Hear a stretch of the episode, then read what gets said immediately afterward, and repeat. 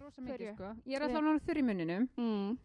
við hérna En ég er samt, ég er búin að vera, að, því náttúrulega þegar þú ert að tala, ég er að reyna rosa mikið að grípa ekki fram í. Ég er Mhm. örgulega búin að gera það, það samt er heilmikið. bara það sem við gerum í lífinu það er það eina sem við gerum Og svo náttúrulega, þú veist, bara, já, ég ætla að muna þetta. Svo náttúrulega bara um leið á jafna munnin, það er búin að maður hlutina niður sko. kannski að vera svona ekstra þáttur líka í hverri, hverri viku. Svona, ég glemsi þetta. eitt sem, eitt sem við glemdum koma að það verða þrýr þættir í viku og fyrst verður venlið þátturinn og svo tveir þar sem við erum að reyna að komast yfir það sem við glemdum að segja. Já. en ætluðum að segja og er mjög mikilvægt. Mjög mikilvægt, mjög mikilvægt. það verður gaman að sjá þegar við erum að hlusta á þetta hvernig það verður. Er var ég búin að búin að morgun hvað ég á buksunum það það er tveir tímar í dættan ég eftir að sjöðustól ég þarf svo mikið að fara að koma mér að stað af hverju er ég bara í einu sokk? Ég ekki, ég set vélina bara aftur af stað. Það er svo þegar ég byrja núna? Það er klukkan hvert er ég eftir að keira þetta er það skemmtilegt þú ert að hlusta á hlaðvarpið Brestur sem er uh, spjallþáttur um allt sem kemur að því að vera kona með ADHD Volur þetta formlegt hjá Er það þér? ekki? Jú. hljómaði eins og ég væri að lesa kvöldréttir Pín, Mm. eða, eða svona þula. það er draumadjópi Sjónvastula. Langaði þið aldrei að vera sjónvastula? jú, það var draumadjóp þegar ég var yngri Já, kannski bara þegar voru svo sætir. mm, possibly Getur verið. en það er komið að fyrsta þætti samt eiginlega ekki því að pilotið er fyrsti þáttur Já. En í þessum þætti ætlum við að tala um það af hverju maður á að fá greiningu Mm. því er ekki allir með ADHD í dag Það eru allir með aðtíðatu. það er allir með smá ADHD það Já. er uppáhaldssetningin mín. Já. er ekki allir með smá ADHD það eru örugglega svona topp þrýr mest pyrrandi spurning sem ég fæ Já. Af því að sko, auðvitað eru að, þú veist, það er engin eins. mm -mm. Og það eru örgla einhverjir með, þú veist, eitthvað sem svipar til. sem geta verið bara persónleika Já, sko. nákvæmlega. En þú veist, þetta er svo mikið meira. Já, ég held líka fólk sko átta sig og skiljanlega, það átta sig bara ekki á því hvað þetta er tímafrekt kikk. Nákvæmlega. Að vera með ADHD. orku frekt. Já, ég líka, mér fannst það sko áttaði mig eiginlega ekki á því fyrir en eftir ég fekk greiningu, Mm. hvað þetta er tímafrekt. Nei, ekki eftir ég fekk greiningu, eftir ég fór að lif, áttaði ég mig á því, hvað þetta er, ó, hvað það fyrir ógeðslega mikið tími dagsins Já. í eitthvað ves. Já. Nei, mér finnst líka sko bara, þú veist, ég var að tala um við vinkunum mína í ger. Hvað, þú veist, maður, ég er miklu orku meiri. Af því að, eftir, semst eftir lifin, af því að það er ekki að fara bara allur tími heims í að hugsa og, þú veist, lappa fram og tilbaka og þú erum bara búin með orkuna tíu á mótnana. Einmitt. Þetta er, Bílun, sko. þetta er bilun og eins og þið, það var sko áður en, að, áður en ég fór að lif, þá einhvern veginn var ekki, þú veist, ég var það auðvitað um mig, að ég áttaði ekki á því hvað ég var auðvitað um mig, Nei. skilur. Svo þegar ég fór að lif, Já. þá kom svona pláss í hausin á mér sem var bara svona, guð minn almáttur. Hvað Er ég bara búin að vera í þessu í 31 ár? Hljómar eins sem við séum að sponsaðara lifjum. Já, Það er ekki þannig. þetta er unni í samstarfið við Elvans. En það þurfa klálega ekki allir. Nei, ef þú ert í þannig aðstæðum, Nákvæmlega. þú veist, ef þú ert í vinnu sem er það sem þú ert á miljón eða ert í ógislega fjölbreytti vinnu eða Einmitt. ert veist, stundum getur þú bara verið í vinnu þar sem að það er ógæðslega mikil kostur Já. að vera með ADHD Nákvæmlega. þannig að alls ekki, en aftur á móti er ég alveg á því að það er gott að fyrir greiningu þegar þetta verður vandamál Einmitt. því ég held að það sé fullt af fólki sem að kemst í gegnum lífið sem að bara elskar að vera með ADHD Já. ef það er bara í þannig aðstæðum og skapa sér þannig aðstæður í lífinu að það er bara geggjað, skilur Nákvæmlega. Við ættum eftir að fara í hérna nennimirki, vikunar. Akkurat. Hversu oft lendur í nennimirki? Viku, ég, fljó, ég örgulega auðveldar að segja á dag Á dag. Já. Ég myndi segja svona meðaltali þrísvarsinum á dag. Já. Held ég. Ok. Ég skal taka bara nennimir ekki dagsins. Ég hérna kom heim, fór í bílakjallaran, þar sem ég skildi bílinn eftir og svo þarf ég að fara semst í gegnum tvær hurðir og svo upp stiga. Og ég var semst komin upp hálfan stigan þegar ég byrja náttúrulega að leita í öllum vössum og veskinu mínu bara til að tjekka hvort ég sé ekki örgla með allt, eins og Mhm. maður gerir. Það Þú sjálfsög. Alltaf svona eitthvað að klappa sér og svona. Mm -hmm. um, ég fann ekki síma þannig að oh, glemdi honum, þannig að ég lappa aftur niður stegan í gegnum hörðunar, opnaði bílinn fann heldur ekki síman í bílnum Mhm. og þá þarf maður svona að spóla tilbaka. Býtu, býtu, ég var með síman þannig síman. býtu, ég var að hlusta á podcast á meðan ég var að keira Mhm. þannig ég hlýta að hafa verið með síman á mér. Þá held ég á símanum. Það er rosa mikið nenni mér ekki moment. Og hvað, hvað var þetta mikil tími sem fór í þetta lúp hjá þér? Væri Þetta hafa allavega verið 90 sekundur og þetta er svona þegar maður fattar síman þá þú veist sko, hvernig, hvernig lýsir maður sér tilfinningu þetta er svona Ég nenni mér ekki, það er eina Já, sem er hægt að nota. þetta er ekki svona pyrringur ég, bara svona, ég er svona limpast meira neður og bara Þetta er svona, uppgjöf. þetta er uppgjöf Tilfinningin er uppgjöf nenni mér ekki Oh, já, ég, sko, ég er svona pínu, þetta er eiginlega svona ekki eitt moment, en þetta er svona pínu búið að vera að gerast alla vikuna. mm. Að ég er, að, þú veist, ég er kannski að ganga frá ykkur og eins og bara áðan þá var ég að taka, því að börnum mín voru búin að vera eins og svín inn í sjómasherbyggi með mat og eitthvað, þannig ég var að ganga frá. býtu, er þetta óala Já. Uppeldið er ekkert. Frjálst uppeldi, mm -hmm. og ég var sérst að taka pingu lítið borð inn í sjónvarsherbyggju og ég var að taka af hérna, borðinu þú veist, var, það var einhver sem þurfti að fara á bað og einhvað þurfti að fara inn í eldús mm. og í staðin fyrir að þú veist eitthvað svona, já ég tek fyrst það sem það er að fara inn í eldús Mm. svo tek ég það sem það er að fara inn á bað. Mm. að þá hugsaði tekið þetta saman? Ég get haldið á svo allir í einu. Ah. Þannig ég var með, þú veist- tvær skálar uh, tvær hérna, hárbusti eitthvað svona vassbrúsi til að spreja í hárið og eitthvað og var reyna að halda á svo allu mm. og ég veit alveg þegar ég er að taka þetta upp að ég er aldrei að fara að geta að halda á þessu öllu. Og hvernig gekk veist, ég sullaði mjólk út um allt mm -hmm. þannig ég þurfti að fara skiluru sækja hérna tösku, bleita hana Mm. Veist, þannig í staðin fyrir að ég hefði getað gert þetta á öruglega svona, já eins og segi 90 sekundum -hmm. þá var þetta svona 10 mínúna gegg Mm. að vera að þú veist, mm. þrýfa upp eftir brussuskap af því að þú veist, það er eins og, eins og ég, ég veit alveg, ég get ekki tekið þetta allt í einu Nei, en, það er eins og even- heilin á mig sé bara prófum Já, að því að ég er samt með kenningu að því ég er alltaf að gera eitthvað svona mm -hmm.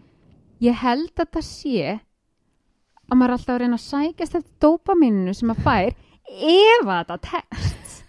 Þetta er svona bjartsinskast Já, eitthvað svona þetta verður geggjað ef þetta tekst, ef ekki þá tökum við því. Að því að það er svo geðvegt þegar maður nær að halda á 38 hlutum Einmitt. þvert yfir húsið og ekkert brotna. En þú veist það tekst samt aldrei. Jú, þú veist. ég ætla, þú veist, í mínu tilfelli þá, veist, ég man ekki eftir neinu tilfelli sem ég er svona, jú, prófum þetta og það hefur gengið upp, veist, þetta er Mm. alltaf Já. óþarfa ves Mhm.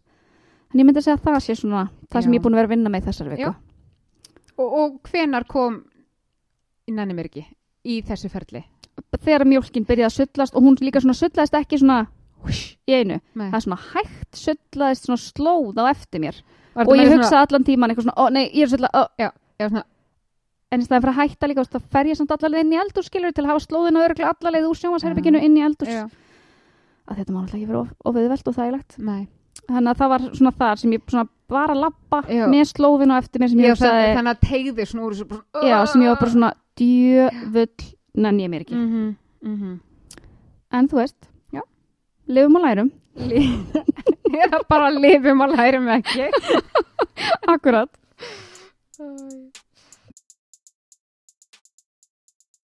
þegar þú fost í greiningu mm. varstu þá búin að átta þig á því og verið með ADHD sko, já og þú nei semst fóst bara og baðist halló, ég vil fá greiningu já, ég Ok. sko, mér var búið að grun þetta nei Jú, mér var búið að grunn þetta en Mm. hugsaði samt alltaf nei, ég er bara reyna að finna eitthvað afsökum fyrir eitthvað í svona lög að hérna, þú veist, ég var orðin örgulega nálgast tvítugt þegar ég heyrði, þú veist, um orðið aðtiklisbrestur fyrst hjá konum og þetta var þegar ég var á síðast ári mentaskóla og það var stelpa sem var bara svona kunningakona mín sem er svolítið svipið típ og ég mm. sem að sérst fekk reyningu á hann var með aðtiklisbrest og, ég, og það var ótrúlega margt sem hún var að segja sem ég svona samsvaraði mig í en svo var ég bara eitthvað, nei, þú veist, ef að mér finnst að ég hef alltaf elskað að lesa mm -hmm. og ég hugsaði, ef mér finnst eitthvað skemmtilegt að lesa mm. þá get ég skilur bara sest og ég get tætt í með eina bók bara á sólarheng Já. skilur þannig ég hugsa, já nei, þá getur ekki verið aðteklisbrestur sem að þú veist, sýnir hversu lítið maður vissi um aðteklisbrestur akkurat þá en svo var ég svona þú veist, þetta var svona, síð, svona kannski síðustu tvö árin áður en ég fór í greiningu þá var ég svona búin að vera og ég held líka þegar þetta fór að vera svona á samfélagsmiðurum, maður fór Mhm. að sjá Já, þú veist, ég samsvaraði mér svo ógeðslega í mörgum svona Mhm. ADHD myndböndum Einmitt. eitthvað, þú veist, svona á Instagram og en svo var það eiginlega bara í þegar COVID kom og ég fór að vinna ókslega mikið heima ein hjá mér, ein heima hjá mér Ok. sem að ég var bara minn, segðu, segðu okkur Dísa, hvernig gekk það? það gekk frábærlega Já. djók og líka sko að því að svo er náttúrulega Jón maður minn enga þjálfari, Mm. hann er íþróttafræðingur og vinnur sem enga þjálfari og hann er var náttúrulega bara gat ekki unnið Nei. þannig að ég var heima að reyna að vinna og hann heima ekki að vinna og þetta var, þetta var svo mikið ástand ég mitt fekk memori á Snapchat hjá mér í, held í gær þar sem að ég er eitthvað svona að reyna að vinna í tölvinni og hann er að spila ukulele í stóð og þá Og var ég hvar? bara sko við reyndar á akkurinn sem vorum frekar heppin Já. þær, veist, þær voru ekki mjög mikið heima Nei. það voru kannski eitthvað þrjár vikur sem þú voru Feng- alveg heima svo skiptist þið- við á Fenguð þið ekki þarna bæði leikskólaverkfall og svo COVID strax í kjölfarið? Mm. Nei, það geggjaði tími. Vá, ég var búin að gleyma þessu bara, því lífsviljin hefur aldrei Ah. verið herri. Æ, næstu, þetta er svo dásamlegt að vera heima með börnunum sínum finnst Birna. það. Veistu, til þess er lífið Einmitt. En já, ég sem sagt, eh, þú veist, það var sérst í COVID og þú veist, þá bara pínu lendi ég svona á vegg, sko, og þá Mm. var ég bara eitthvað, heyrðu okkur þetta, Já. ég get þetta ekki lengur. Þannig Nei. ég ringdi sálfræðing, Mhm. ætlaði samt alveg svona fjóru sinum að hætta að fara, af því að þetta kostaði ókslega mikið að fara náttúrulega í gegnum enga Já, svo var stofu. þetta líka bara í hausnum að þér. Já, nefnilega, og ég hugsaði, það verður svo vandræðalegt Mhm. Að fara, eða þessum pening, Mhm. eða þessu, og, eða tíma í þetta, Mhm. svo er þetta bara eitthvað svona, Þú ert bara- þú ert bara löt. og ég líka sá svo mikið fyrir mér að hún myndi vera svona, þú veist, það er kannski alveg einhver einkenni, Já. en ekki nóg til að þetta sé eitthvað svona alvöru vandamál Nei, þetta er ekki klínist. Nei. Nei. Veist, að, og ég hugsa alltaf bara "Ó, þetta verður pottið þannig að hún verður eitthvað svona mm, En, va, en varstu þá ekki búin að æfa það sem þú myndir segja við hana þegar hún myndi segja þetta við þig?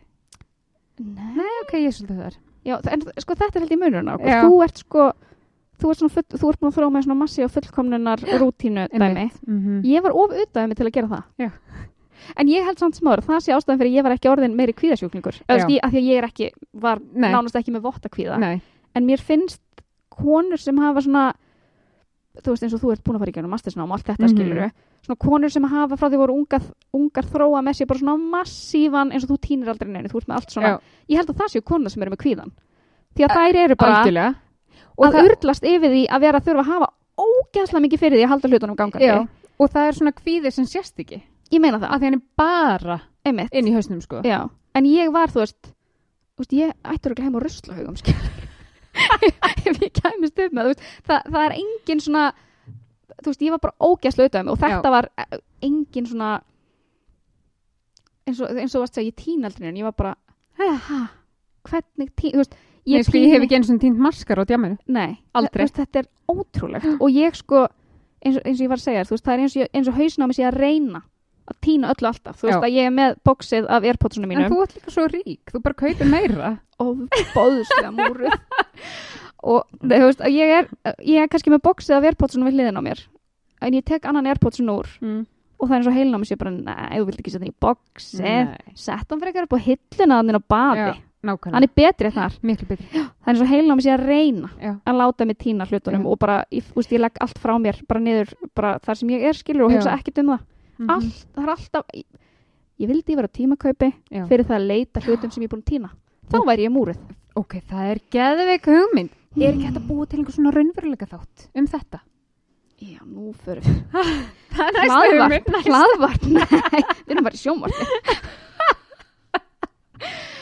uh, já, þannig að ég hérna þú veist, þannig að ég var ég, ég, ég veist, einhvers stað vissi það alveg. Ég vissi að það væri einhvað ekki eins og þetta vera en ég var ekkit endilega vissum að það væri þetta ég, eins og, ég, ég var bara búin að fulljóða sem um ég væri brókslega löt Mm -hmm. og þegar hún, veist, mér hefur aldrei gengið svona vel á prófi eins og í þessari greining það var svona normal kurva og ég var bara Já. svona eins langt Já. út í enda Nákvæmlega. og sálfræðingur var líka bara hvernig gengur þér svona frá degi til takk. og ég var bara en hún saði líka það við mig hún saði að því ég sagði ég held bara ég væri úrslega löt Mm. og það er svona ef að letin er að valda þér hérna vanlíðan Mm. þá er þetta ekki leti Mm. sem er mjög gott að minna sig á á Mér finnst það svo geggju setning, Mér sko. líka þetta er búið að koma mér í gegnum mjög Já. marga kyrsetu Emmitt. Að því að skiluru, þetta er svo, þetta er svo mikið aðti hátti. Þú Mhm. veist, utan að komandi fólk séur okkur ligg upp í sófa kannski í átta tíma og svo bara shit, nú þurf ég að fara að sækja bönni mín Mhm. uh, það sem við erum að gera þegar við liggjum upp í Við sófa erum ekki að njóta við erum ekki að njóta þetta eru svona hvað heldur að segja meðaltali einmitt, ef þú tekur bara, ok, sjö tíma dag hvað er Mm. þetta margar hugsanir? Guð minn almáttur Já. Og líka því að það er ekki eins og sérst að njóta þess að gera ekki neitt Nei, Þú þetta er ert bara bara, af hverju ertu ekki búin að gera Þú veist þú ætti að gera þetta, svo ætti að gera Já, í veist, þetta er kvíði þetta er svo mikið niðurrif Mm. og bara, ok, nú klukkan er þetta og ég ætla að vera búin að gera þetta og svo bara gerist ekki neitt og þetta er hræðilegt. En líka reynda að útskýra þetta fyrir mannesku sem er ekki mati hægt. Sem er bara, akkur stendur ekki bara upp? Akkur setur ekki bara í vélina? Settu bara í vélina. Þú veist, ég get ekki eins og Skri, útskýrt að vera skrifa þessa sko. reitgerð sendin hann fucking tölvupóst.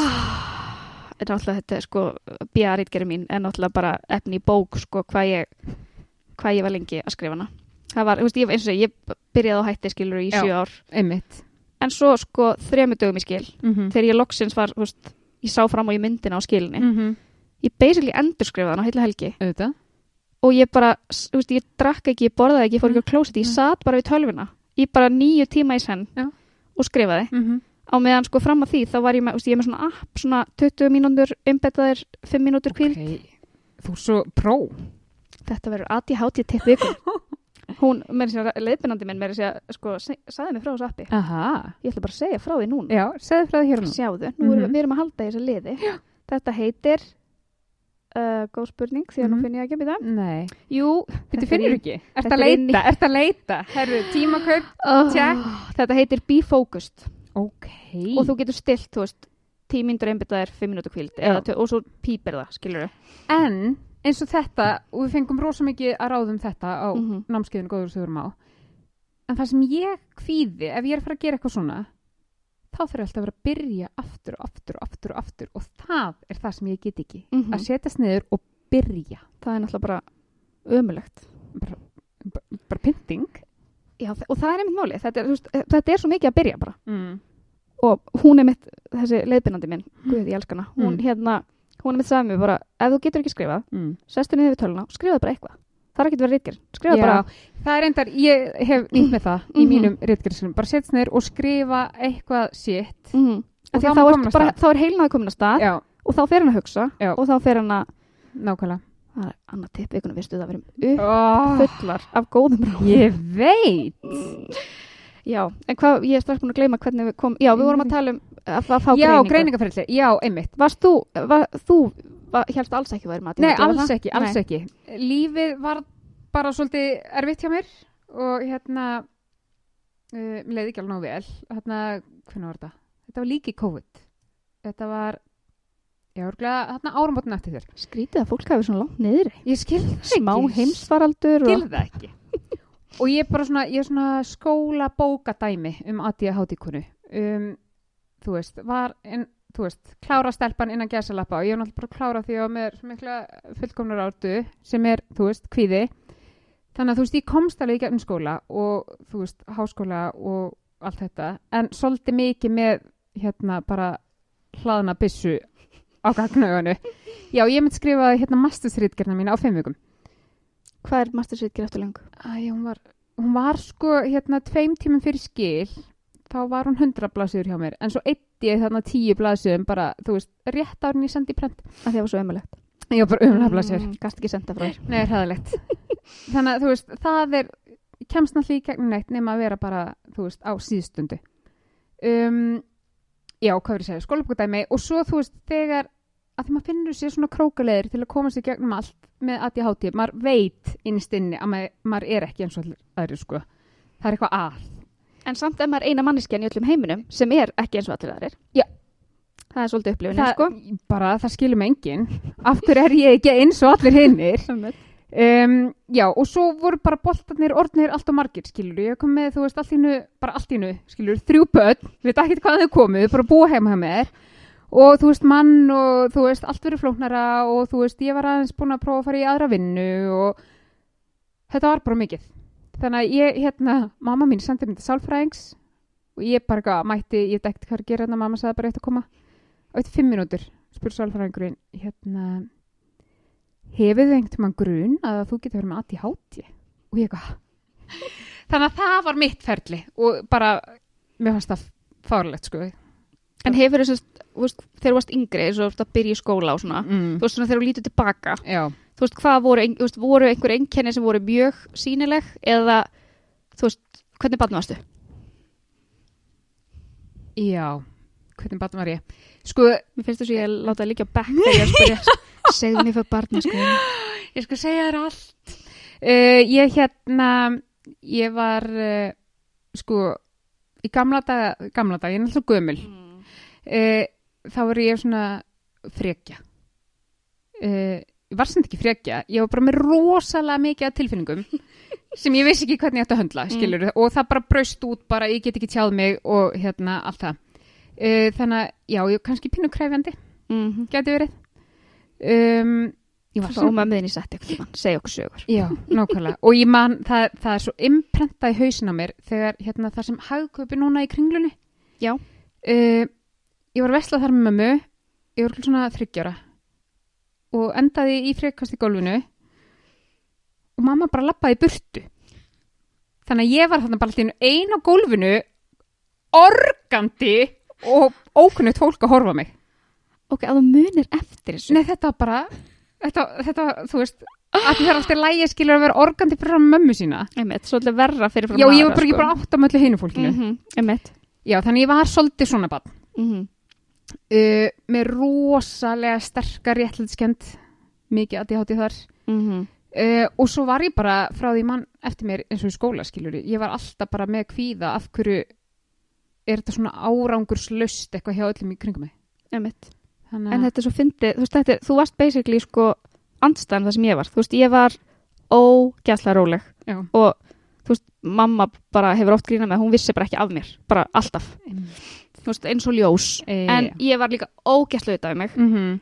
og einmitt þegar ég fór í greiningu og mamma þurfti að svara þarna mm Mhm. spurningalistum og hún sagði sko ef að ég sast á eldri sýstir sem er tveimur ára eldri en ég Já.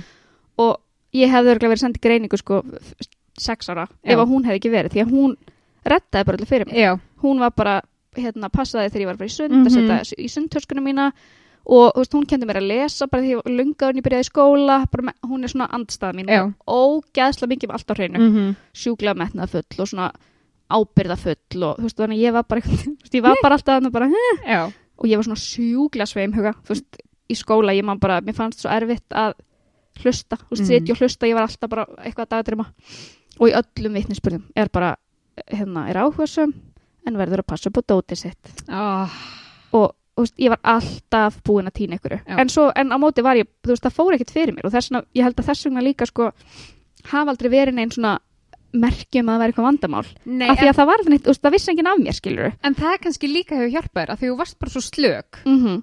á meðan ég var sko, ég týndi aldrei neinu, aldrei nokkuð tíman en þá líka fór kannski 90% af skóldeginu mínum í, þú veist má ekki gleyma nestbóksnu, má ekki gleyma nestbóksnu úlpa mín hangið þarna og hún er á snagan þarna vinstra meinum klósettið og ég fer að passa skilur að einhverju loki gjort á hann, þarna kemur kvíðin sko. mm. þetta er, já, veist, og svo þetta er mikið pottþétt, að passa sig skilur að því ég vissi að ég gæti ekki trist mér skilur. Það var eiginlega betra að vera bara það Já. við sig að maður bara, þú veist, ég hafði bara emmi 100%. emmi bara, bara passa emmi var bara dísa mín, taskan pennaveskið, ég bara, ha, já. En, þú veist, en líka og líka því ég var mjög félagslind þú veist, og ég var þú veist, ég var bara ógislega upptekinn að því að hafa gaman Já. og ég held að það hafi líka því að svo fór og ég gekk ógislega vel í skóla fyrst, Mhm. fekk ógislega háa Mhm. einhvernir og bara var einmitt svona, stefn, svona klára, klára við Nákvæmlega. nám og allt þetta Mhm. En svo þegar ég fór í, þú veist, þetta var svona, ég sérst bjóti í Hollandi, fluttið til Holland þegar ég var 12 ára Mm. og það var svona þegar ég var að komast á svona gagfræði skólaaldur, eða þú veist, kannski svona 8, 8, 9, 10 bökur. Þegar það fór svona að þingjast og mér, og mér fór að ganga verri í skóla. já, ég og eiginlega sömu sögu þar sko En þá var það bara skrifað á það að ég var bara svo upptekinn af félagslífun og hafa gaman. það voru allir bara eitthvað svona, þess að mín, ef þú einmitt. myndir bara aðeins, aðeins leggja þig fram. Bara, veistu, þú gætir fengið, það er einhvern sem þú vilt, ef þú bara Að þú myndir getur allt sem þið aðeins langar í lífinu Já, og, en þetta var bara, þú veist, og ég held að það hafi verið sko, svo auðvelt að skrifa þetta bara á þetta að ég var bara að, ég var bara að hugsa um aðra hluti, Mhm. skilur það sem ég var skemmtilegt og svo var þetta líka, ég, þess vegna held ég líka að ég hafi svona, alveg frá því að ég var ung, svona, hugsa að þetta væri bara leti að því að þegar ég hafði svo áhuga ykkur þú veist, þau náms, eh, hérna, þau fög sem var skemmtileg þá er fekk ég alltaf Já. já. Og þess vegna var ég alltaf, þú veist, þess vegna var þetta bara svona, heyrðu, ok, ég ætla bara að ríða mig í gang og nenn að gera það sem ég finnst ekki já, bara hætti að vera svona löt. Já, basically, Mhm. sko. En hérna, en þú veist, þangað til ég fó, var bara orðin kannski 15 ára eitthvað, þá var þetta ekkert vandamál. Og ég hefði ekki þurft að greiningu halda þá sko. Nei, sko, ég hefði alltaf viljað bara fá greininguna fimm ára, já, eða þú veist, bara til að hafa skilningin. Já. bara það, og þú veist, þú bara, það er alltaf lægið og gleymir og allt þetta skilur, Mhm. þarf ekki alltaf að vera fullkomið. Einmitt. En, einmitt, ég hef verið til að fá lið þarna, þú veist, þegar lærdómurum byrjaði að þingjast, Já. einmitt, 15, 16, Já. eitthvað svo les. en þetta er líka sko eins og að fá greiningu þegar það verður vandamál af því að ég hefði ekki viljað fá greiningu sem barn þú veist, það hefði ekki, ég hefði ekki þurft að hefði þú varst bara þarna líklega hoppandi Já, út um allt. þú veist, og- ég var bara, var bara rosa gaman hjá mér. Ég var bara rosa auðvitað um mig og ég minn heim alltaf eitthvað. En hérna, en þess vegna held ég líka að það er svo misjátt sko hvenar fólk, hvenar fólk þarf að fá greiningu Já. og hvenar þarf að fá lif af því að ég hefði verið til að fá lif þú veist, já, 15, 16 Einmitt. eitthvað svo leis Mhm. að hérna, að þá, ég held svona fyrst og fremst hefði það kannski hjálp með svona sjálfströstlega séð, ég Já. væri svona ekki búin að vera að rífa mig niður sín verið úlingur Nákvæmlega, og það er einmitt líka svo stór hluti af þessu, þú veist, af hverju að fá greiningu. Mhm. Ég held að það spila svo rosalega mikið inn í sjálfsmynd hvenna sem eru með ómeðhundlað eða ógreint ADHD, það er þessi sjálfsmynd. Af því eins og vorum að segja þann, þetta hérna bara, ég er bara ein í heiminum. Það er, Mhm. þú veist, ég er eitthvað öðruvísi, af hverju eru allir bara hérna mastera lífið nema ég. og svo auðvelt fyrir alla Það, það er allt svo auðvelt. mér fannst þetta sérstaklega sko að því að ég er almennt mjög svona líklað, það er svona fátt sem ég að æsa mig yfir Mm -hmm. og hérna, og gat, þú veist, og ég eigna stelpunar þegar ég var 27 ára þannig að fram að því var ég bara búin að vera ein Já. þú veist, þannig ég gat alveg komist upp með að vera haugur Nákvæmlega. skilurðu. og en svo þegar ég eignaði stelpunar og ég náttúrulega eignaðist tvíbura sem Mhm. er náttúrulega, þú veist, færi band að vinna einmitt smápakki Mm. að Myndir þá, samt alltaf gera þetta aftur, aftur og aftur og aftur. ég ætla ekki að fleiri tvíbura Ég er að segja það. Nei, veist, þetta var ógeðslega gaman og geggjað og þú veist, en ég náttúrulega bara svaf ekki eitt og halvt ára og eitthvað, en Mm. þú veist, það var þá þegar maður fór að þurfa sko að sinna, þú veist, vinnu, Já. að vera með börn, Já. að vera með heimili, Já. að hérna, samt svona vilja gera allt sem Mhm, maður gerði, skilur, ég hef mhm. alltaf átt mikið að vinnum og ég er mjög félagslind og svona, að ég var bara, hvað, hvað, hvað er Já. að fólki Einmitt. að geta þetta? Og þá svona sérstaklega, já, og þá fór sérstaklega svona fóra svona brjótast í gegn hvað ég var búin að rífa mikið niður fyrir að vera löt Nákvæmlega. að því að ég var bara, það getur þetta allir Mhm. af hverju finnst mér þetta svona erfitt Nei, þetta áður álíka að vera þér eðlislegt, sko. Einnig spöð, þú ert kona. já, sinna heimili, elska allar konur að sinna heimili Nei, veist, þú, það er ekki eins og ég hef verið einn sko, veist, ég, ég hef með mann sko að hérna, en, og mér fannst það ógeðslega erfitt að sko, ég fann kannski aðeins minna fyrir þessu þegar ég var í fæðingarólofi því Mm. þá var ég bara í þessu og það var bara, Bara. mikið að gera að ég hafði, þú veist, þetta var svo mikið færiband að vinna, ég hafði ekki tíma og ég var of þreytt til að hugsa um það hvað var í gangi, skilur það var bara, þetta var bara frá mótni til kvölds alltaf prógram, Einmitt. en svo þegar ég fór að vinna að, þú veist, þá fór ég svona og ég sagði þetta oft við Jón, manni minn ég var bara, ég er hann svo leiðileg þú veist, ég var farin að vera oft svona ókslega skapond á kvöldin og það var bara svona ég tengi, bara ég er svo leitin. og þetta var svo mikið þetta var svo mikið eitthvað sem ég þekkti ekki sjálfur mér. Þú veist, að vera eitthvað svona og mér fannst svo margt svo ógæðslega yfirþyrmandi. -hmm. og ég var bara, hva, veist, hvað er að, að þú veist, það eru allir ekki, og margir að gera mikið meir en ég sko, að hérna og þa, veist, þarna hefði ég klárlega þurft að vita Já, já, ef einhver hefði sagt fyrir mig, heyrðu heilin á þér er aðeins, ekki alveg læg ekki alveg læg. En, en þú veist, við erum samt ekki, þú veist, þetta er samt erfitt fyrir alla, skilu. Það er erfitt Mm. fyrir alla að vera í vinnu með heimili og börn og allt Mm. þetta. En þú veist, ef þú tekur hvert element fyrir sig, þú veist, þá er það, þú veist, bara þetta að muna að fara í búðina og kaupa allt sem þarf að kaupa. Þú veist, við erum kannski, ég veit ekki neitt, ég er ekki fræðmaður, þú veist, það er kannski 20% meira orka sem fyrir það, mm -hmm. þú veist, í hvert hlut Einmitt. og svo, bæt, svo ertu komið tíu hluti skilur og við erum alltaf með aðeins meira þú veist það fyrir alltaf aðeins meira orka í það Mm þannig að þú ert komið með ótrúlega marga bolta þú veist Einmitt. átján hjá flestum Mhm. lífið er ekkit rosaflókið misjant skilur en svo þú ert komið með þú veist öll þessi element þú veist þá bara þá fríkar maður bara svolítið út sko Já, það, einmitt, einmitt fríkað út, ég held að það sé svona mjög góð lýsing á þessu, þú veist, og ég var, segi, ég, mér fannst þetta bara, mér fannst þetta ógeðslega erfitt, þó Mhm. mér finnst bara, veist, ég hefði aldrei viljað sleppa þegnarspöld, sko, en ég var samt bara Stundum svona, sumdu, vissulega, ballus lífstíl, frábær, en, en hérna, nei, þú veist, ég bara, þetta var svona punkturinn sem að líka svona fóra íta mér út í það aðfæri greiningu, af því að, þú veist, þetta var og þetta var svo leðilegt að vera svona að vera alltaf svona ókslega þreytt á Mhm. sjálfri mér og þreytt á því hvað ég var pyrruð Jú, bara þetta að finnast maður svo ógeðslega leðileg. Mhm. Þú veist, ég leðileg allstaðar. Já. og líka svona maður hættir að nenna veist, maður fyrir að forðast svona að vera eins og ég hef alltaf elskað að vera kringum, þú veist, kringum mikið að fólki og eitthvað og þannig fór mér fyrir svona læti ógeðslega yfirþyrmandi Já. þú veist, ef ég er búin að vera allan daginn Já. með börni mín að þá langar mér bara rosalega mikið að fá kannski bara svona kortir sem bara enginn talaði mig Já. Bara ein. uh, hérna, að þú veist, þetta var svona það sem að held ég svona sem push me over the edge Já. Nákvæmlega. Þannig að svona útgangspunkturinn í þessu er að, já, ég hefði alltaf viljað fá þessa greiningu fyrr. Guð, já. Veist, það, uh, En hvað hefur breyst eftir á fyrst greiningu? sko, þetta, þetta er svo ótrúlega fyndið að ég sem sagt bara, ég mætti þetta til sálfræðing sem greindi mig nánast á fimm minútum Mm -hmm. svo þetta ég reyndar eftir að hafa greiningu hjá henni líka og hérna Ok, áður en við förum í það. Hvernig, veist, hvað fórst í gegnum þegar fórst í greininguna? greininguna Af því að svo misjáft, þú já, veist hvað hva- er gert? já, nákvæmlega um, mér minnir hann hafi gert eitthvað svona greindapróf ég er samt að spáði hvort það hefði ekki verið að því ég hefði alltaf munað hver talan var sko hún sagði alltaf að ég verið greind Þú hefði aldrei glemt því. Og svo hérna gerði hún svona hérna já, hún mældi vinslu hraða og vinslu minni Já.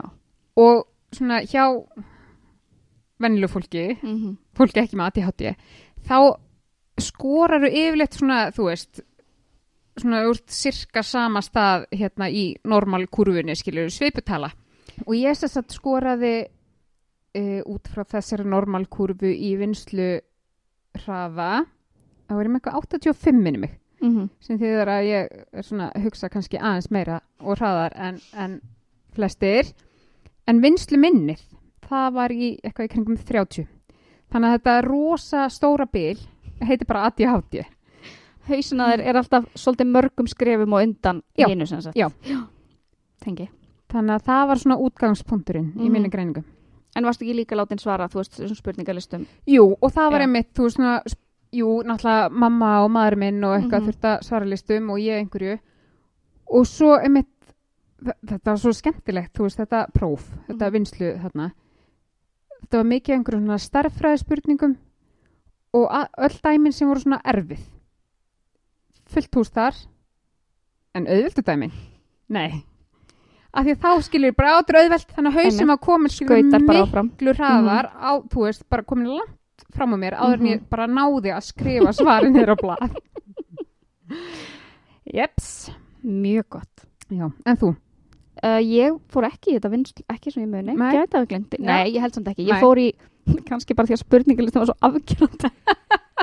þú veist, hún fór yfir, yfir spurningana bara, já, já, þetta. Einmitt. Þetta segir svona okkur sjálf. Nei, ég, þú veist, ég svaraði einhverjum spurningalistum og mamma svaraði, sýsti mín og svo Jón, maður minn. mm -hmm.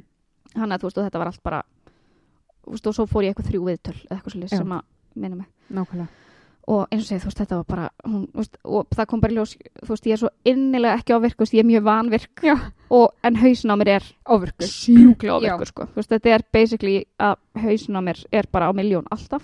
Já. Og líka minn á mér er bara nefnir skulum slaka þess. En, sko þetta hefur náttúrulega breyst hjá mér af því þú segir að ég sé svo óvirk mm -hmm. Þetta hefur náttúrulega pínu breyst eftir að byrjaði á réttum livjum Já, líka minn er farin að halda í við hausin á þér Já. bara. Já. Nei, og líka því óvirknin var bara öll í haustum á mér. Mhm. Ég var einmitt bara lömuð alltaf. Þannig að núna skilur óvirknin ekki farin Mm -hmm. en hún fær bara komast út úr hausnum. Já, einmitt. Sem er miklu betra því Hún þegar hún er í hvarfið. skilur Já. þá er hún bara á lúpu. mm -hmm. Þannig að já, er ég bara svona óvirk líka. Já, þetta er Indislegt. yndislegt, Það er það sem þú ætlar að segja. En það sem hefur breyst að því að hérna í þessu góða viðtala þarna þá bara var ég bara sendt bara bynd í veikdalefi. Ég var Mhm. bara á Þú hefur- þú hefur fengið nóg. Já, ég var bara að klára mig sko Á bar með tauga á bara með Það tauga það sem áfalls já. eða eitthvað, ég veit að ég veit ekki hvað gerði, eða þú veist hvað hefði gerst það er nú Nei. verið gaman að vita það þannig að ég fór bara þú veist, byrjaði bara að senda vinnina mín bara, "Ú, ég er ekki að fara að mæta þetta næstu tvær vikunar, náttúrulega ógislega erfitt að þú veist, viðurkenna vanmátt sinn og ég er, ég er ekki hausinn án fullkomin. mín? já, bara ég veit að þið vitið að ég er fullkomin skilur en ég er það ekki En hér eru þið. já, já, og svo fór ég bara eitthvað mega langt veikindalefi og hérna fór á þetta námskeið með þér og, bara, og þú veist, sem sagt, bottom line þegar sem breytist, ég bara kynntist sjálfur mér, Mm að því svo var ég líka sendt, þú veist, bara til fleiri sálfræðinga og fyrsta spurning var alltaf bara, já, hver er Birna? Ég veit það ekki Góð spurning. að því ég er einhvern veginn bara búin að vera að spegla mig í öðru fólki Mm. alla æfi að því ég veit ekki hver ég er skilur að því ég er bara að reyna að vera eins og hinni Þú ert búin að vera svo upptakin að því að gleyma einhver og týningu. Þú er ekki það tíma til að spá í því. Nákvæmlega. Þannig að það bara, og þetta er búin að gegja. Mm. Bara- Það hefur verið mjög gott fyrir að fá þetta veikindalefi. Veistu, þetta er svo frelsandi. Að fá bara, tí, bara tíma til að bara einbytta þér að þessu. Já, eitthvað sem, skilur, ég hefði þetta áttum að því á fjárara. Einmitt. Uh, gerði það ekki. Þú veist, Þannig að- 30 ár pluss eða mínus. Hver finnur fyrir því? Nákvæmlega. Já, ég, veist, þetta náttúrulega gekk mjög hratt fyrir sig hjá mér sem að ég eiginlega valla þóri að segja frá núna af því að núna eru svo ógæsla langir byðlistar og fólk er bara að býði mörg ár eftir að komast á lif en ég sko, ég sérst reyndar fór í gegnum enga aðila og þetta Já. er náttúrulega fyrir tveimur árum síðan núna þannig að það var greinilega einhver önnur staða þá en núna Nákvæmlega. að ég, þú veist, ég fer sérst í greiningu og var sett á lista hjá lækjalækni og ég er bara komin á lif bara þremur mánuðum eftir ég fór í greiningu og þú veist, ég fekk tíma í greiningu innan við mánuði eftir að ég pantaði tíma í greiningu ef ég mann rétt Það er ótrúlegt. Já, og það, þú veist, náttúrulega geggjað en að ég var samt rosalega mikið að búast við því að ég myndi fá pillu sem myndi bara laga mig Býtu, ertu ekki búin að fá það? Þetta er ótrúlega. Bíddu, er lífið ekki bara fullkomið? Jú, þetta er bara, veist það, lífið hefur verið fullkomið síðan. Nei, þannig að ég, hérna, veist, var, ég hefði svona eftir á higgja viljað vera búin að lesa meira. Af Já. því að ég vissi ekkert. Já, þú meinar. Já, þú veist, ég var bara, ég fór bara og tók töflu sem að hjálpaði alveg helling. Þú veist, Mhm. ég, gat, ég var um að segja við, hérna, heima þegar ég var, þegar ég las í fyrsta skiptið, þú Já. veist, texta eftir Já. ég fór að lifa, ég var bara, ég er að lesa öll orðin. Já. Og Jón var bara, hvað hva ertu við að gera? Veit ekki, ekki þetta. Bara orðin sem tala til mín. Já, og að fara, þú veist, á æfingu að ég svona, þú veist, ég fer bara, ég ákveða að fara á æfingu í klukkutíma Já. og ég bara fer á æfingu klukkutíma Einmitt.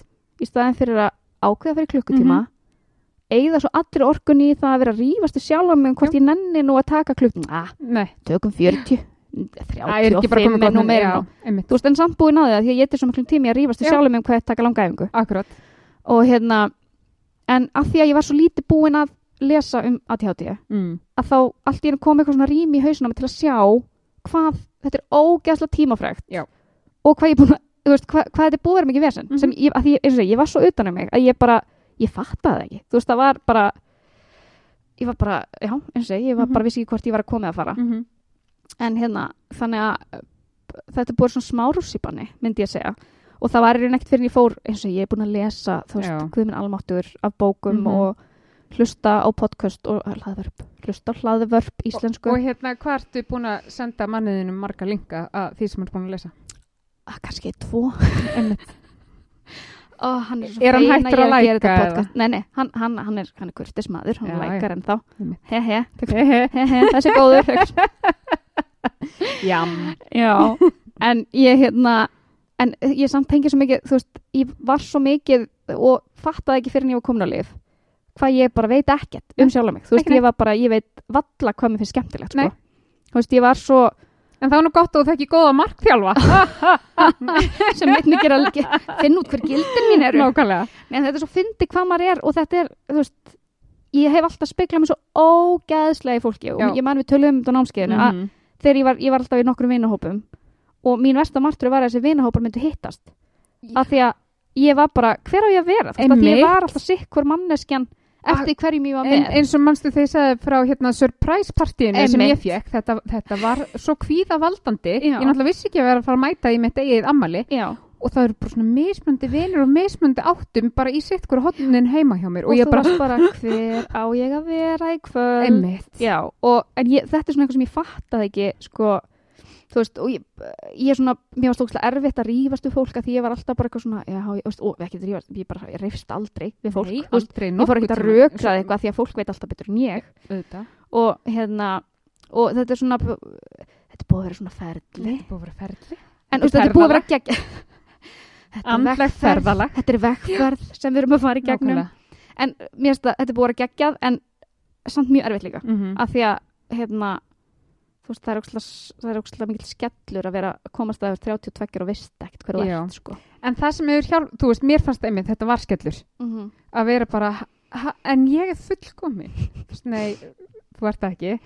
Og hérna og þó. Og sko mér fannst það ótrúlega frelsandi mm að bara, ok að því, eins og ég sagði á ég hef alltaf vitað að ég er öðruvísi Einmitt.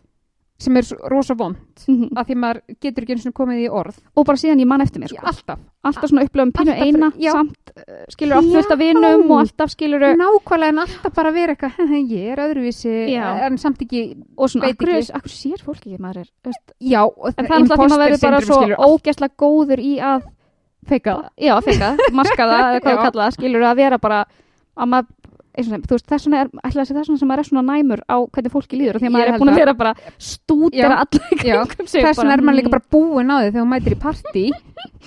Eða þú veist að mæta á einhver svona viðburði. Mm, þú veist, ég er svo búin á því. Og þú veist, það er gaman fyrst og maður næri að halda upp eða ég allavega, Mhm. að halda svona andlitinu einhvern veginn. Og ef það er ekki áfengi, þú veist, og maður bara sturt í sig þá er bara, þá læti ég bara hverfa af því þú veist, öll orð, maður er kannski að reyna að tala við einhvern en svo ertu samt að skilur navigeta öll, bara allt sem er að gerast í kringum þau bara, já, þessi er já, þau eru pottið að tala um eitthvað svona, byttu, heyrðu, þessi er eitthvað leiður, ok, vandralegt og mér líður illa, oh my god, og bara tek alla orkuna frá þessum manni sem stendur sko hinum einn í rýminu. Hefur íhugað að vera alltaf í glasi? Oft, oft. Mér finnst einhvern veginn eins og það sé svarið við, við já, svandamáli já, en það væri ekki gott fyrir fullkomnar árna ef börnir eru tekin að mér, skilur vissulega. það væri smá skellur. Það væri smá skellur og eitthvað en á hinbóin þá er þetta líka svona pínu ekki sorg, en þú veist Jú, pínu þetta er já, að þetta bara ok, þannig ég verð bara alltaf svona. Mm ég nefnilega upplýði þetta ekki fyrir en bara sko fyrir ekkert svo lengur ég prófaði að hætta á lifum í smá tíma Mhm. því að ég var búin að vera taka konsesta og taka alla mögulega, Já. þú veist, dreifið daginn bla bla bla, -hmm. en, en bara fannst ég ekki, þú veist, ég var svona pínu ör á þeim já, og bara sammála, fannst það ekki að virka fyrir mig. Nei, þannig ég hætti að vera á lifum í svolítið tíma. Og þá fyrst upplýði ég bara svona að ég var bara svona sorry yfir því að vera með ADHD sem einhvern veginn ég var aldrei búin að pæli og ég var bara eitthvað svona, oi, mm -hmm. hvað ég var ógeðslega til í að bara fá eitthvað allt annað. Bara basically, þú veist ok, ég ætla ekki að segja hvað sem er Nei. ég ætla ekki bara að Nei. henda eitthvað út í kosmos en hérna, en þú veist, einmitt ég var bara svona ókslega, ókslega miklum bömmir Já. yfir því að vera með ADHD Já. og bara eitthvað svona já, já, ég verð bara alltaf svona Einmitt. þetta er ekkert, þú veist sem er ekki jákvætt það er ekki jákvægt, en þú veist partur eru glafsamt eitthvað svona svo- að- sirkja eitthvað að, að því að við vorum náttúrulega, veist, að reyna að feika það að vera normal, mm þú veist, alla æfi og hér eru við og þú veist, og bara jákvæð ég, og já, mitt bara þetta þurfa að sætta sig við bara, mm þú veist, þú ert búin að vera að feika þú haldur eitthvað annað -hmm. og þú verður aldrei, þú veist, innan gæsalappa normal. sem náttúrulega öruglega engin er Nei. en eins og segi, þú veist, þetta er og líka bara svona, maður þarf pínu svona að sætta sig við það að þú, einmitt, þú, veist, þú ert alltaf að fara að vera svona Já. og það eina sem þú getur gert er bara að snóða upp í eitthvað gott, skilur Já, af því að það er svo margt jákvætt við það líka það er nefnilega það. mm -hmm. Og, og eins og þú sagður örugglega í hérna pilot þættinum að, að hérna, þú veist, að þú veist hverju styrkleikaðinir eru Mhm. sem að hátíð fólk sem hefur ekki fengið greiningu veit sjaldnast að því að það er alltaf bara að reyna að vera eins og næsta manniska því að veit Mhm. ekki hvernig að vera sjálf. Þú veist, þá getur þú gert svo geggjaða hluti. Eins og hlaðvar eins og nei, en þetta er samt, þú veist, að þetta er svo þetta er líka svona að hafa bara eitthvað svona þetta er Já. súpipái líka sko nefnilega -hmm. og þú veist, þetta er skilur það er svo margt það er svo margt jákvætt við þetta Já. sem að maður þarf líka svona pínu að læra að og einblína á. líka eins og einmitt þegar við vorum ennþá bara hérna, ég var markþjálfi og þú veist bara viðskiptöfinur hjá mér hvað eru tvær hug síðan eða tvær og hálf kannski þú veist þá er mitt komið að þessu að hérna bara en myndur vilja ekki vera mati hátíð já, einmitt bara aldrei í lífinu Nei. Af því að það er líka ótrúlega margt sem að veist, ég, ég, veist, ég er svona almennt frekar orðheppin og get hugsað rætt og allt Mhm. þetta, veist, þetta er allt kostið sem eru bara ekki segja þetta í hlaðvarpinu. Þetta er að taka hérna upp 47 þætti. Rosa orðveppin sem eftir að missa, missa út um hérna einhvern skýt endalust en hérna, þú veist, að þetta eru þetta eru, og ég er ógæðislega fljóð, ég get aðlagast basically, alltaf, og veist, ég flutti á milli bæjarfélaga sem krakki og ég flutti, veist, erlendis þurftalega nýtt tungumál og Mhm. ég bara, þú veist, plummaði mig alltaf vel, skilur, af því að ég gat alltaf bara svona stokkið í nýtt umhverfi og bara, bara komist inn, þú veist, ég var orðin hollendingur á ári, skilur, Já. þú veist, þetta er bara, Ég og það er oft hérna- grínast með að ég sé meiri hollendingur en stjúpafi minn sem er, sem er sko fætur uppalinn í Hollandi, Já, skilur. ég mitt flutti líka til útlanda þegar ég var tíu ára Mm um, til Danmarkur mm. um, ég talaði ekki dönsku í tvö ár gata alveg en hún var bara ekki fullkomin þannig Ég ég, byrjaði aldrei Ná, kvamlega saman með hollenskuna. Nei, ég, þurfti sko neitaði- skipt um skóla til að geta frá fyrsta degi tala fullkomin dönsku af því að það var náttúrulega svo kjánalegt að mæta allt í einu bara eftir tvö ár. og byrja bara að tala dönsku allt í einu, þú veist, þegar ég var búin að þaga í tvö ár Það er svo mikið grínast með þetta í fjölskyldin hjá mér að því að ég sko, Gerði þú þetta líka? já, við sérst fluttum til Hollands og ég var fyrsta árið, þá sagði ég ekki stakt orða hollensku. Mm. Svo fóru við hérna, þess að stjúpa minn satt með mér sko öll kvöld og þýtti alla heimavinnu frá hollensku yfir á ennsku og bara Já. því lík vinnalöðið og ég var í auka tíma og eitthvað. Svo fór ég í sumafrí til Íslands í sex vikur og svo kom hérna pappi að sækja mútið flugvöll, Já. stjúpa minn, pappi, ég kalla hann Mhm, pappa minn mhm. og hérna og þá ringdi vinkona mín, besta vinkona mín út í Holland ringdi í mig og ég var eitthvað að tala við hana Já. og svo skellti ég á og hann var bara síðan hvernig þú hollensku þá bara, æ, þurfti bara sex vikur samt til að vinna úr þessu og, ég- og ég var bara reybrennandi, þú veist, ég var náttúrulega ung þegar maður Já. er fljótur en á þessu Já, en ég var bara reybrennandi Já. en hann bara, vildi ekki gera þetta fyrir þetta var komið þannig sko. ekki, ekki hund, þú veist, þú veist ekki að fara að segja eitthvað fólk ekkert að geta að vita að ég sé ekki holland það er fárálegt Já, þannig að þetta er, þú veist, eins og þetta er kostur sko við að hvað maður er, hvað maður er ógeðslega góður í Já. aðlæðast nýjum aðstæðum. Já, Já, hvert við erum að tjóti. og ég mynd komst að því ég er náttúrulega ég held ég sem búin að finna minn fullkomna starfs vettvang núna Mm. að því ég var einmitt á einhverju svona hérna, hérna markþjálfa námskeiði í gerkvöldi Mm -hmm. og þá kom spurningin bara hver er þinn besti kostur sem þú getur nýtt sem markþjálfi og það bara ég get lesið fólk strax og ég get mattsað orkuna strax og ég bara takk að ég háti fyrir Einmitt. að gefa mig þetta Nákvæmlega. Þannig ég get bara, sé, þú veist, og ég bara veit að ég get það ég bara, þú veist, ég sé fólk bara mhm, svona manneskja og ég get bara mattsað og ég bara spegla allt sem gerist Líka er eitthvað verra en taktlis markþjálfi. ég held að sé bara versta kombo sem ég mögulega heirt um. Markþjálf sem getur ekki lesið fólk. mætir einhver svona lítil mús og þú ert bara komið með FM gæjan hvað segir Stína, eða maður sitta Oh, en þetta er myndir sem ég hafði að markþjálfa. já, áður ég ég líka þín. já, því ég var náttúrulega sko, að ég fór þarna í gegnum hérna, svona kulnuna prógram og var Mhm. sendt til markþjálfa nei, veistu það, ég mætti með krosslaðar hendur og ég ætlaði að valla að setjast í sófan Einmitt, og bara, mm, teka ekki þátt í þessu. faða tappið þetta skilur Mm -hmm. Herrin, hann breytti líf minn á 50 mínútum. Einmitt.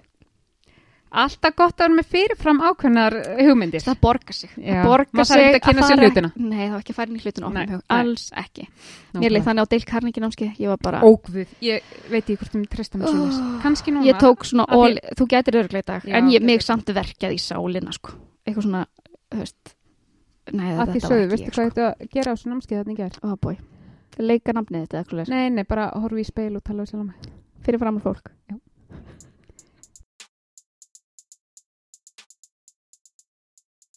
Þegar maður byrjar að lesa sér til um þetta allt saman, mm -hmm. þá er svo margt sem maður er bara, oh my god, er þetta ADHD? Þú veist bara, ha? Þetta er bara, svona persónleika sem maður held að væri bara persónleika já, nákvæmlega. Þetta, þetta er bara, gerast á hverjum einasta degi í mínu Mhm. lífi. þetta er ógæsla fyndið ég, þú veist, guð, það er svo margt sko eins og þetta, þú veist að ég bara speglaði mig alltaf í fólki ég meiri segja, guð, ég þóra alltaf að segja frá þessu þetta er svo byrjum bara fyrst að þetta og bara Já, bara, förum bara alla leið. að ég man ógeðslega vel eftir að sem krakki að ég var svona að tala við fólk og ég var farin að gera það sem fólk, manneskja sem ég var að tala við Já, Gerði. einhver svona kækir. einmitt, þú veist, ef að manneskja var alltaf að fykta í hárun á sér, Mm -hmm. þá var ég alltaf að fykta í hárun á mér og stundum svona bösta, þú veist, oft ger ég þetta, oftast ger ég þetta ómeð þetta, sko Já. og svo þegar ég fatt, fatt að þetta var alltaf bara guðminn áttur, ég get ekki hætt þessu núna það Mhm. er ógeðslega vandræðilegt ef ég hætti þessu núna Já. Og ég sem betur fyrir, sko, stundum vil ég ennþá gera þetta. Ef ég er að tala um mann sem er með eitthvað svona mjög áberandi kæk. Já. og fólk sem talar svona með reym, fólk sem talar þú veist, til dæmis einhver sem er S-mæltur, þú veist, ég Mhm. þarf að hafa með alla við. Já, að pikka það ekki. Og þetta, veist, þetta væri svo vond ef maður væri að gera þetta sem fullorinn manneskja. Það og hérna ég var að hugsa um já, líka bara svona þú veist, þegar ég var þú veist, maður er er að segja góða sögu Þú kemur úr með pönslandi strax. nei, nei, nei, nei, Þe- þetta er sko samt svona mest þegar ég var yngri. Að ég var kannski að segja eitthvað sögu. Svo kannski datt eitthvað svona hugmynd í hausinn á mér sem gerði söguna betri. Já.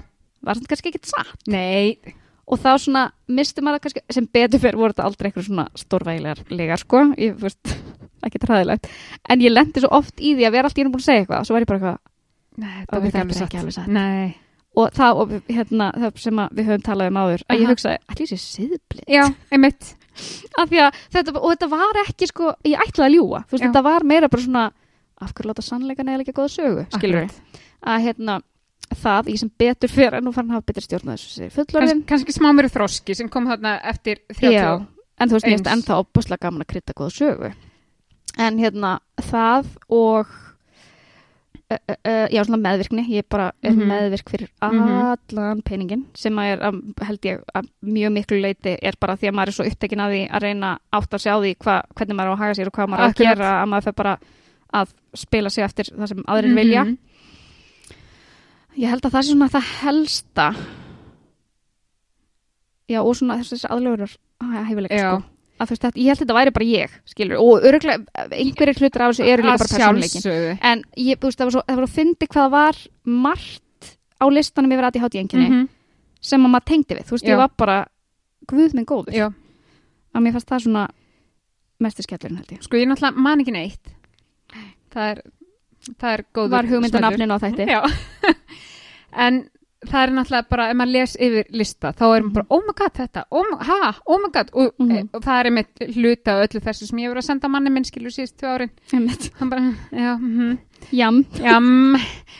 og hérna en það er kannski svona hérna bylur réttlætiskend mm og, þú veist, og það er eins og sé engin filter eins og ég man svo ótrúlega vel eftir því þegar ég ásess að einn úling og svo ég tvö börn sem eru hérna, hvað- næstu í tvíbur næstu týpur, 15 Mhm. mánuður á milli Mhm. Þannig, og þau eru dag 5 og 6 ég man þegar þau voru bara einhverjum svona babies og maður hérna var bara rosa ósofin og í ruglinu Mhm. og ég sendi semst elsta stráki minn með korti mitt út í búð til að kaupa eitthvað sem vantar Mhm. og ég man þetta var bara að það var einhver eitt hlutur sem hann ætla að kaupa nema svo kemur hann heim og hérna var búin að gera mömmu sinni þennan greiða og bara ég mátti ekki nota kortið þetta því að starfsmæðurinn sagði ég mætti ekki hérna, ég bara þú ert með kortið mitt og með pinnumerið og ég var eitthvað svo, þú veist, ég vorkendi stráknum minn svo mikið fyrir að hafa lent í þessum aðstæðum skilur hann var að gera mömmu sinni greiða og svo fær hann bara skammir frá einhverjum starfsmann út í búð, skilur, skammir sem ég hefði átt að fá. sem fyrir um bankastafsmæri, ég þurfa að segja Viltu, viltu, ha- vil, nei Nú kemur ég að þetta skemmtinu það er bara aðeins svona kveiki eldinu aðeins að Nei, þannig að þú veist, í staðan fyrir að segja bara eitthvað, æ, elsku, hérna bara, þetta var nú leðilegt og, og hann hefði nú ekkert að skamma þig, skamma þig og hefði frekar að ringi mig og allt Mhm. þetta skilur. Nei, ég er náttúrulega hringdi brjálið. Í starfsmann, 10.11, á barónstíg, ef þú ert að hlusta. Nei, þú veist, eitthvað svona, skilur. þú veist hver þú ert.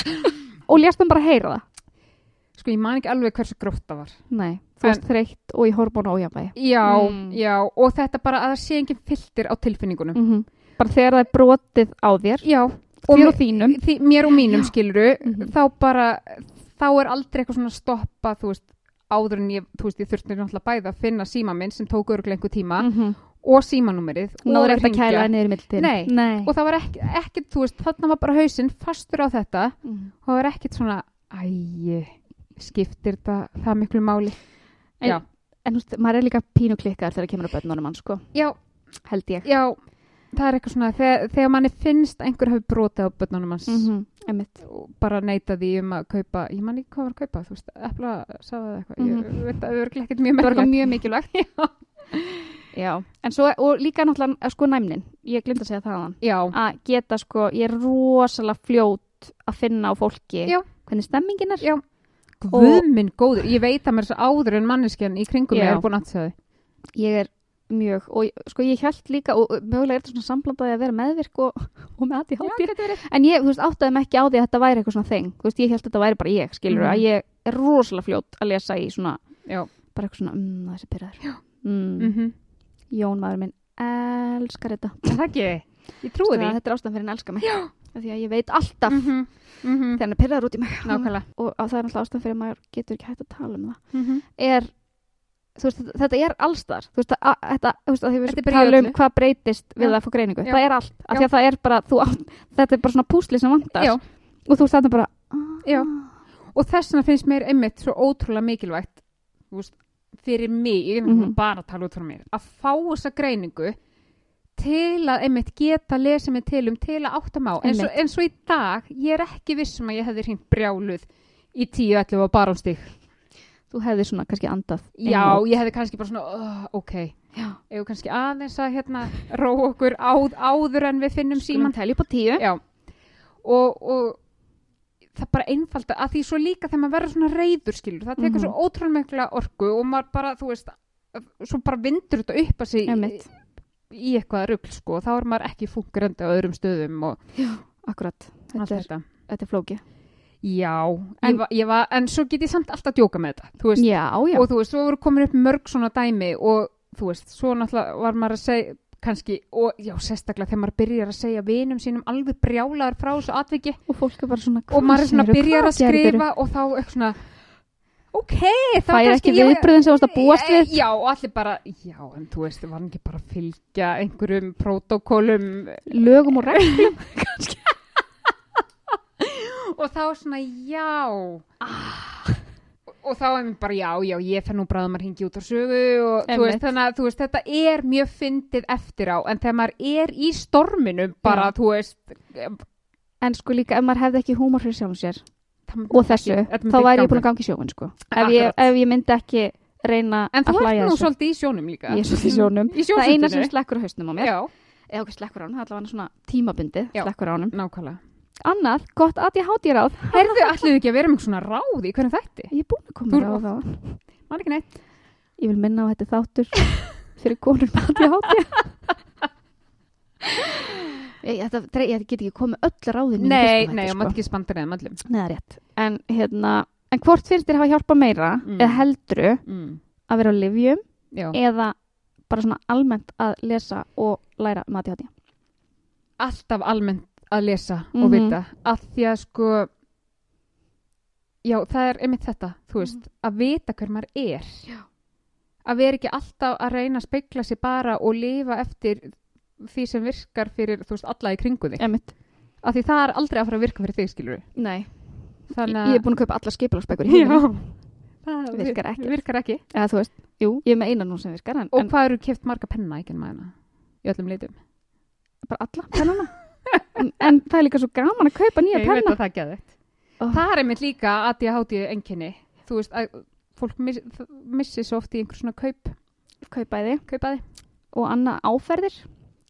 Já, Voru, ég veit ekki hvort við vorum bara að ræða þetta. Þú, utan- varst, þú ert meira svona áferða ég er rosalega á hræðileg. meðan ég sko er svona hérna, svona skin, snerti, þú veist, föt. Svona hypersensitivity. Já. Mm Ég er ekki með það. Þú ert ekki þar. En ég er, þú veist, ég get ekki borðað íspinna með tréprygg. Já, ég er reynda það líka. Jú, við vorum búin að ræða þetta.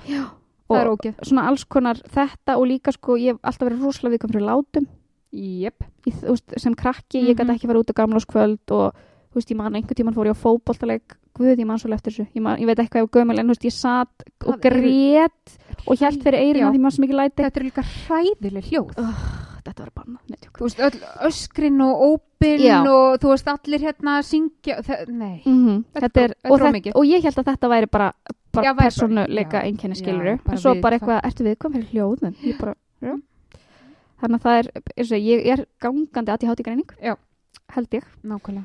en, það, en, sko, en ég held samt sko að lif ég er ekkit vissum ég hefði getað að lesa mér svona mikið til um ADHD að ég hefði ekki farið að lif Nei. Svo er það líka það. En, en það sem hjálpaði mér, að ég þurfti að byggja svo lengi eftir lifjum, Mhm. skilur, ég er í rauninni bara nýkomin á Mhm. lif sem virka, því að náttúrulega tekur tíma, ég er búin að prófa marga tegundur og allt þetta.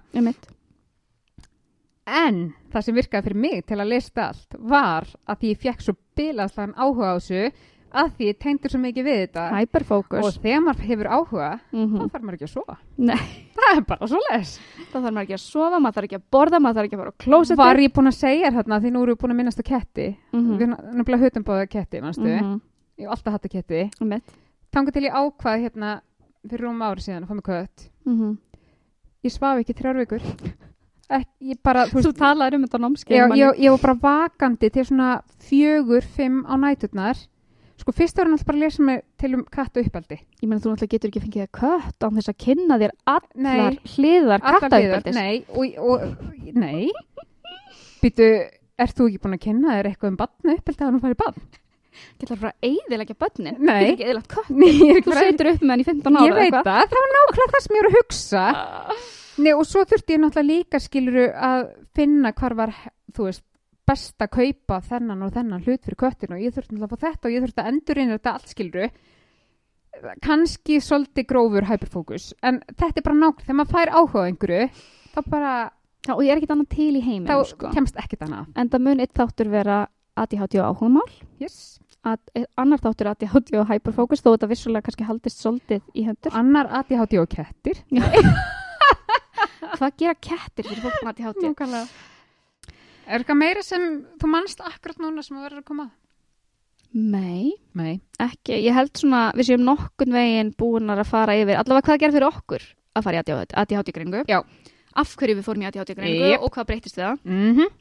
Þannig erum við ekki búin að kofera þetta, þetta umræðafni nokkuð vel. Jú. Og mér þykir svona að því að þú ert með fullkomnar áttu og við Mhm. töluðum um svona cirka klukkutíma þætti. Já. Við erum búin að vera að taka upp í 1 klukkutíma og 25 sekundur. Oh, Þetta gerir mikið fyrir en sálina. það var reyndar smá klipp þarna. Mm, En við erum eftir að bæta stefi og svona við það. Það er rétt. Er Það ekki. Það er rétt. Og þú vilt kannski minna á Instagram með okkar? Já. Hæ? Halló. Mér líður svo samfélagsmiðlustjórnu. Já. Uh, við erum sérst með uh, hérna, Instagram-aðgang sem heitir uh, Brestur hlaðvarp, Mhm. akkurat. Þar sem að við ætlum að vera ógeðslega duglegar að setja hlutin. Þegar ég segi við, þá menn ég ég. Því að Birna er á miðaldra. Nei, ég er með svo mikið miðaldra kvíða. Já, þú er með framistuðu er framistuðu kvíða. Að því, að því ég er náttúrulega bara 16 í anda, skiljum. Einmitt. Ég vil ekki gera einhver svona mistök, búmur mistök. Já, en Mhm. ég er bara utan um mig og ég bara gerir þetta hans hugsan. Þannig Já, að bara einhver kvíði. kannski verður okkur kannsala út af Instagraminu. Það. Það getur. Getur Sjáum, sjáum hvað gerist. Spennandi tíma framöndan. Og við kannski allavega minnum á þætti inn á Instagram. Já, við gerum það. Já. Um, eigum við að segja í þessum þætti hvað við ætlum að tala um í næstu viku? Já. Ertu búin að ákveða? Nei. Nei? Viltu velja eitthvað? Kíkjum á, kíkjum á listan, Hva, hvað við eigum að taka fyrir næst. Sko, mér finnst hérna ADHD og kynni hlutverkin. Því að það er, Þú ert búin að kynna þér það svolítið mikið. ég er búin að kynna mér það svolítið mikið. Og Ég les kannski eitthvað um það Já. fyrir upptökur. Kemur ljós. dott- dettur í góðan þá Nákvæmlega. getur þú kannski verið komið bara masterskráði í þessu. Já, ég bara gera það örgulega bara á leiðinni heim. Já. Og menn er að búin að taka upp, að þáttinn bara. Já, af því að það er náttúrulega, eins og þessi, það er svolítið mikið, ok, nú, nú hljómar þetta eins og ég sé svona bitur kona, en Mm. Ég held að kallmenn komist auðveldur upp með að vera með ógreint ADHD en konur. Já, ég held að það er líka hérna allan bara eins og við verðum að tala um Íslandi núna. Það er svo rosa mikið að því að margir er landi í kulnun, Mm Þriðja vaktin. þriðja vaktin, að og það er svo rosa mikið að konum með ADHD. Mm Og sérstaklega ógreint ADHD. Þannig að það... Þannig að það er mikilvægt að tala um það. Þannig að við ætlum að taka það fyrir næsta þetta. Yes! Þannig að við sjáumst bara í næstu viku. Woohoo! Takk Áfram brestur! Hvað heitir eftir hann að leikuna sem var í þáttunum? Get ekki byrjað þess að sé að ljúna þrýfa. Glemdi ég að slaka á Veit ég að glemdi best að setja fyrst í vélina. Best að taka viftur í sundu fyrst ég er eftir aldrei pening. Akkur hlóðu þeir ekki. Æ, ég glemdi að svara. Akkur saði ég þetta þegar ég var að tala við hann í fimm árum. Hvað var ég að fara að gegja fyrir til? Mér leiðist svo. Þetta?